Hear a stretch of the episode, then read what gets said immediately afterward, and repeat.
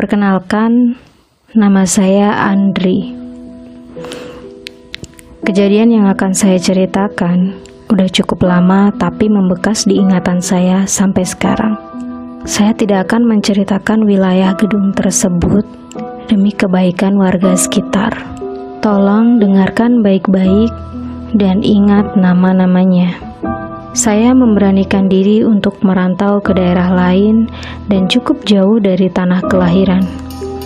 Dengan kondisi uang yang cukup, saya harus bisa mengelola keuangan agar dapat tetap hidup di sana.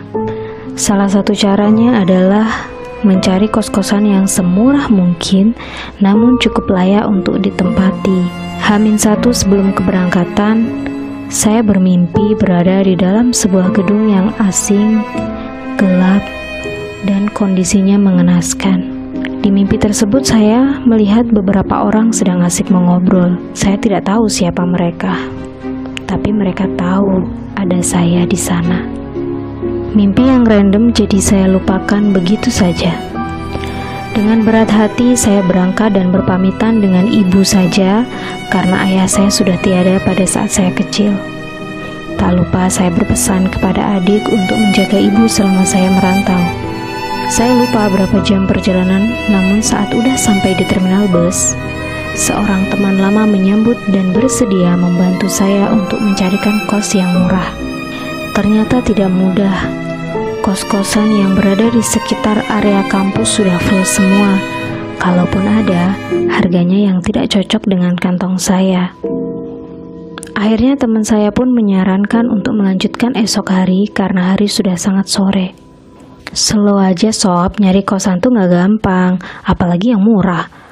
Kosong bentar pasti langsung udah ada yang isi. Oh iya, sampai lupa. Nama teman saya AB. Samaran ya. Karena ini adalah daerah dia, jadi saya mengangguk aja. Untuk sementara, saya menumpang di rumahnya AB Untungnya kedua orang tua dia mengizinkan. Sesampai di rumahnya, saya langsung merebahkan badan ke kasur. Letih rasanya setelah perjalanan jauh dan langsung berputar-putar kota mencari kos-kosan. Sampai akhirnya saya tertidur. Percaya atau tidak, saya kembali bermimpi yang sama persis saat saya di rumah. Gedung tua, hancur, dan dinding yang hitam. Lagi-lagi saya tidak pedulikan dan mengacukan begitu saja. Esoknya jam 11 siang, kami berdua berangkat untuk kembali mencari kos-kosan. Kali ini di wilayah lain, namun masih terjangkau dengan wilayah kampus. Sialnya sampai malam hari, kami tidak dapat kos-kosan yang sesuai dengan kemauan. Dengan kondisi yang cukup lelah, kami pun kembali ke rumah AB untuk beristirahat. Sepanjang perjalanan, saya hanya bisa terdiam merenung dengan kondisi yang seperti ini dan mencoba berpikir dengan logika. Apakah zaman sekarang masih ada kos-kosan yang murah? Udara malam itu sangat dingin karena siang sampai sore hujan tak henti. Saya merasakan tubuh AB yang sedikit gemetar karena menahan hembusan angin malam. B, mau gantian? Tanya saya yang tidak enak dengan AB. Gak usah, kalem aja lah, jawab AB. Baiklah, saya tidak bisa memaksa. Pandangan saya langsung mengarah ke kiri dan langsung berfokus dengan satu lembaran yang menempel pada sebuah tiang. Di kertas tersebut tertulis kata-kata yang sangat saya impikan. Terima kos putra murah. Dan di bawahnya terdapat sebuah nomor yang bisa dihubungi. Saya pun bergegas mengambil HP di saku jaket dan menyimpannya. Awalnya saya berniat untuk langsung menelpon dan mengajak Abi ke sana. Namun saya urungkan karena udah cukup malam dan saya nggak enak dengan Abi. Saya putuskan untuk menelpon esok hari aja. Keesokan harinya, saya sudah bersiap untuk berangkat. Tapi, Abi yang tipikal pelupa baru bilang ke saya kalau hari ini dia ada kelas di kampusnya. Sorry ya sob, gue beneran lupa. Ucap Abi yang terburu-buru karena telat. Iya, santai lah B. Nanti gue naik ojek aja nyarinya. Lah ngapain naik ojek? Pakai aja motor gue nih. Ucap AB sembari melempar kuncinya. Terus lu ke kampus gimana? Tanya saya heran. Gue bareng teman. Udah santai aja lah.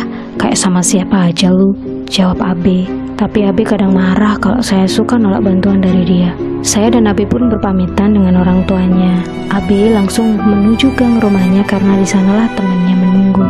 Ternyata itu adalah pacarnya. Setelah batang hidung Abi hilang, saya langsung menelpon nomor yang semalam saya simpan. Awal panggilan, ada nada operator yang memberitahuku kalau nomor tersebut tidak bisa dihubungi. Saya masih penasaran. Saya coba sekali lagi menelponnya.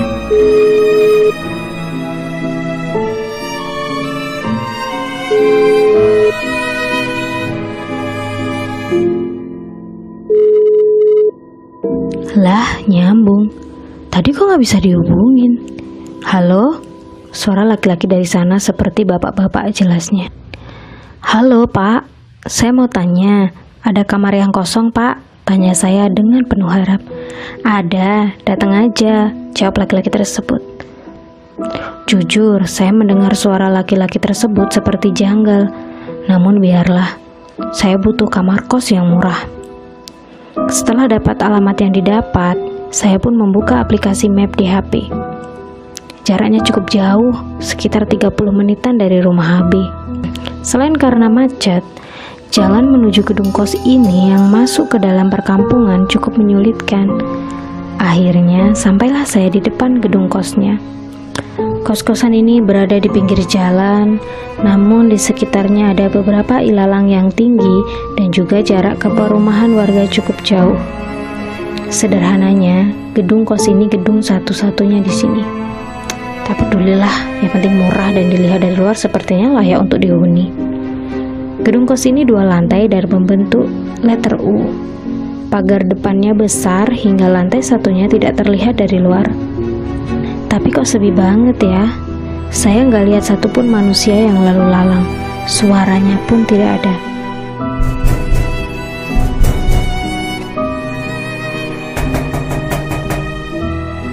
Permisi, saya coba ketuk pagar besinya.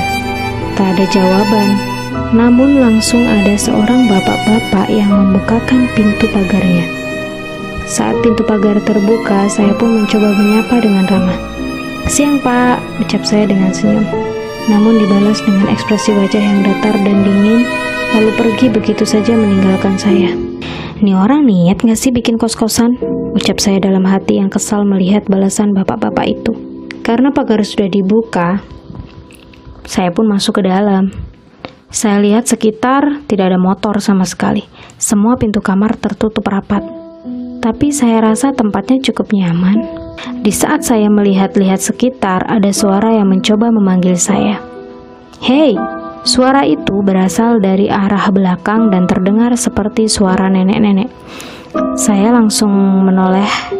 Benar saja, dia adalah pemilik gedung kos-kosan ini. Eh, Nek, saya tidak menelpon dan katanya masih ada kamar yang kosong ya. Saya mencoba membuka pembicaraan. Iya, jawab nenek tersebut sembari berjalan masuk ke sebuah ruangan. Saya pun mengikuti beliau masuk ke dalam. Banyak benda-benda tua yang menjadi pajangan di dalam ruangan tersebut. Nek, kalau boleh tahu, berapa ya harga per bulannya? 400 ribu. Wah, boleh tuh, Nek. Itu udah diterima bersih ya? Iya, Jawabannya selalu singkat dan juga dingin. Saya mencoba berpikiran positif, mungkin itu memang tipikalnya. Saat itu juga saya langsung membayar sebagai tanda jadi dan besok sudah bisa untuk masuk kamar. Setelah dirasa beres, saya berpamitan untuk pulang karena hari sudah hampir sore. Sesampainya di rumah HB, ternyata dia belum pulang. Saya langsung menuju kamarnya.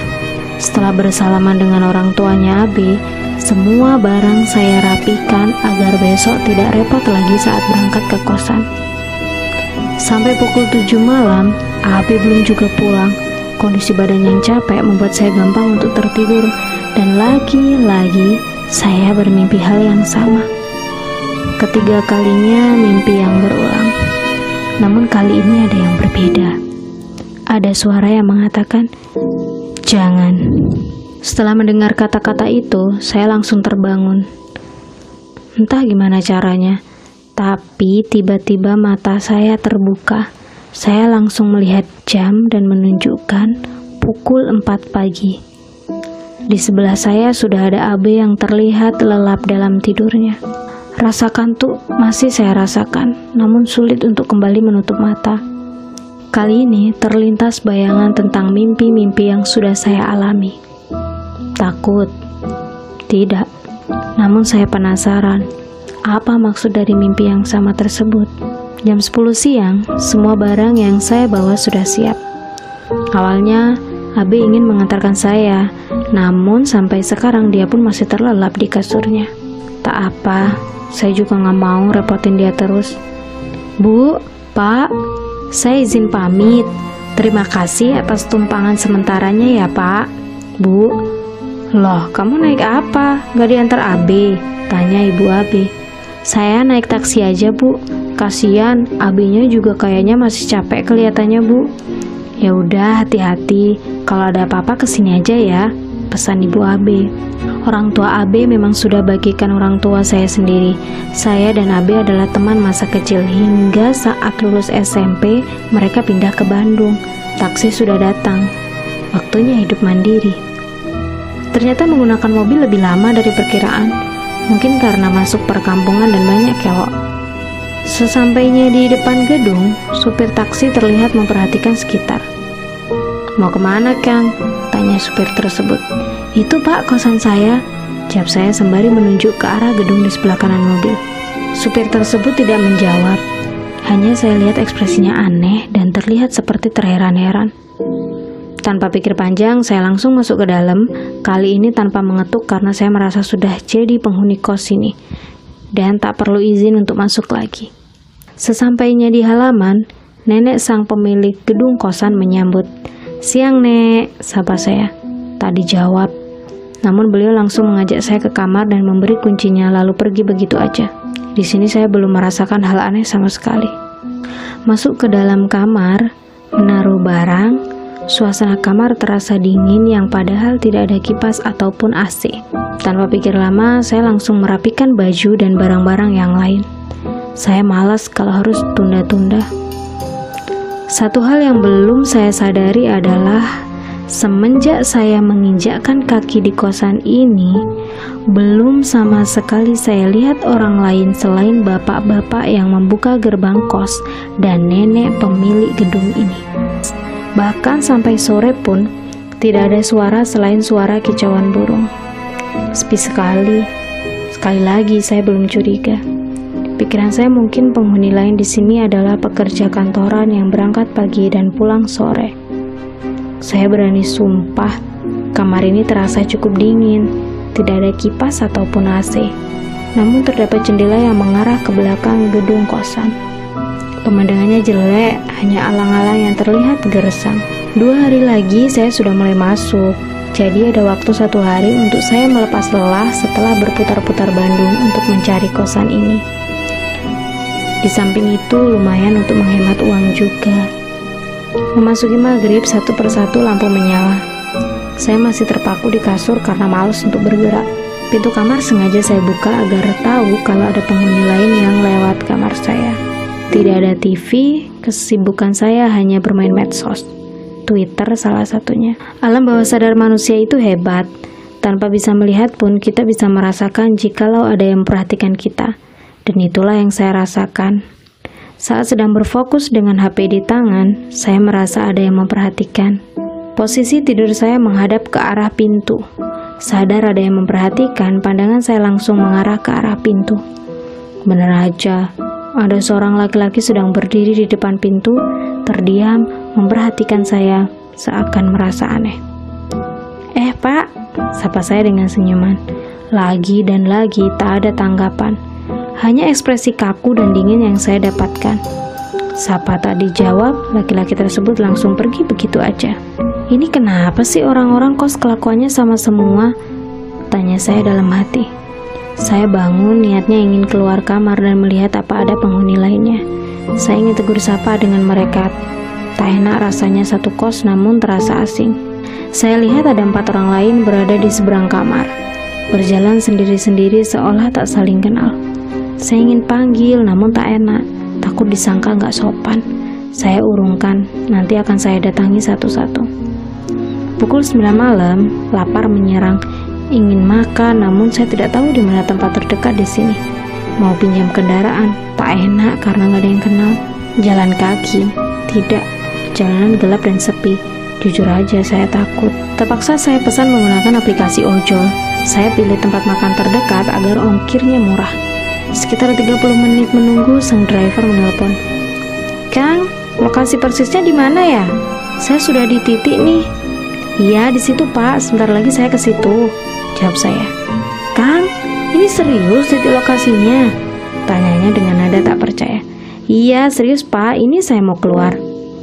Saya langsung menuju depan kos, kasihan takut menunggu lama. Saya sudah menemui driver tersebut. Saya langsung ambil makanan yang saya pesan dan membayarnya. Kang, serius tinggal di sini? Tanya dia yang masih heran. Iya, serius Pak. Kenapa emangnya? Saya pun jadi ikut penasaran. Masuk kamar dan tanpa berpikir panjang langsung makan. Tapi ada yang aneh. Tiba-tiba saya mencium bau gosong. Saya cium makanan, bukan ini sumber baunya. Baunya sangat menyengat hingga nafsu makan saya hilang. Saya bangun dan mencari sumber bau ini, namun nihil tidak saya temukan. Saya lihat semua pintu kamar tertutup rapat, begitupun dengan ruangan nenek pemilik gedung kosan ini. Saya coba lupakan walau bau terus saya rasakan. Hampir dua jam bau gosong ini berputar-putar di hidung saya. Tak tahan sebenarnya, namun saya nggak bisa apa-apa. Saya pakai baju untuk menutupi hidung, cukup membantu namun masih sedikit terasa di indera penciuman saya. Pukul 11, bau tersebut perlahan menghilang. Saya sangat penasaran namun tidak menemukan di mana sumber bau tersebut. Tak ada kegiatan hari ini. Terbangun pukul 9 siang, Apa, masih waktunya saya istirahat. Tak ada kegiatan hari ini. Perlahan mata mulai mengantuk dan saya tertidur dengan sendirinya. Hanya bermalas-malasan di kasur sepanjang hari. Keluar kamar suasana masih sama, sepi dan semua pintu kamar tertutup rapat. Kali ini saya berniat untuk menyapa semua penghuni kos ini. Sore nanti saya akan tunggu di bangku dekat pintu gerbang depan Niat saya menyambut dan berkenalan dengan mereka semua.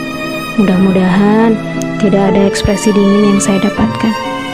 Sebelum itu, saya coba menyibukkan diri dengan menyiapkan baju dan buku-buku serta alat tulis untuk kuliah besok. Saya merasa sangat bersemangat bertemu teman baru dan mungkin saja saya akan bertemu dengan jodoh saya. Yang ditunggu-tunggu datang juga. Jam menunjukkan pukul 5 sore. Saya langsung bergegas ke depan takut mereka semua udah pulang. Kalau sudah pada masuk kamar, tidak ada yang keluar lagi, pintu tertutup rapat.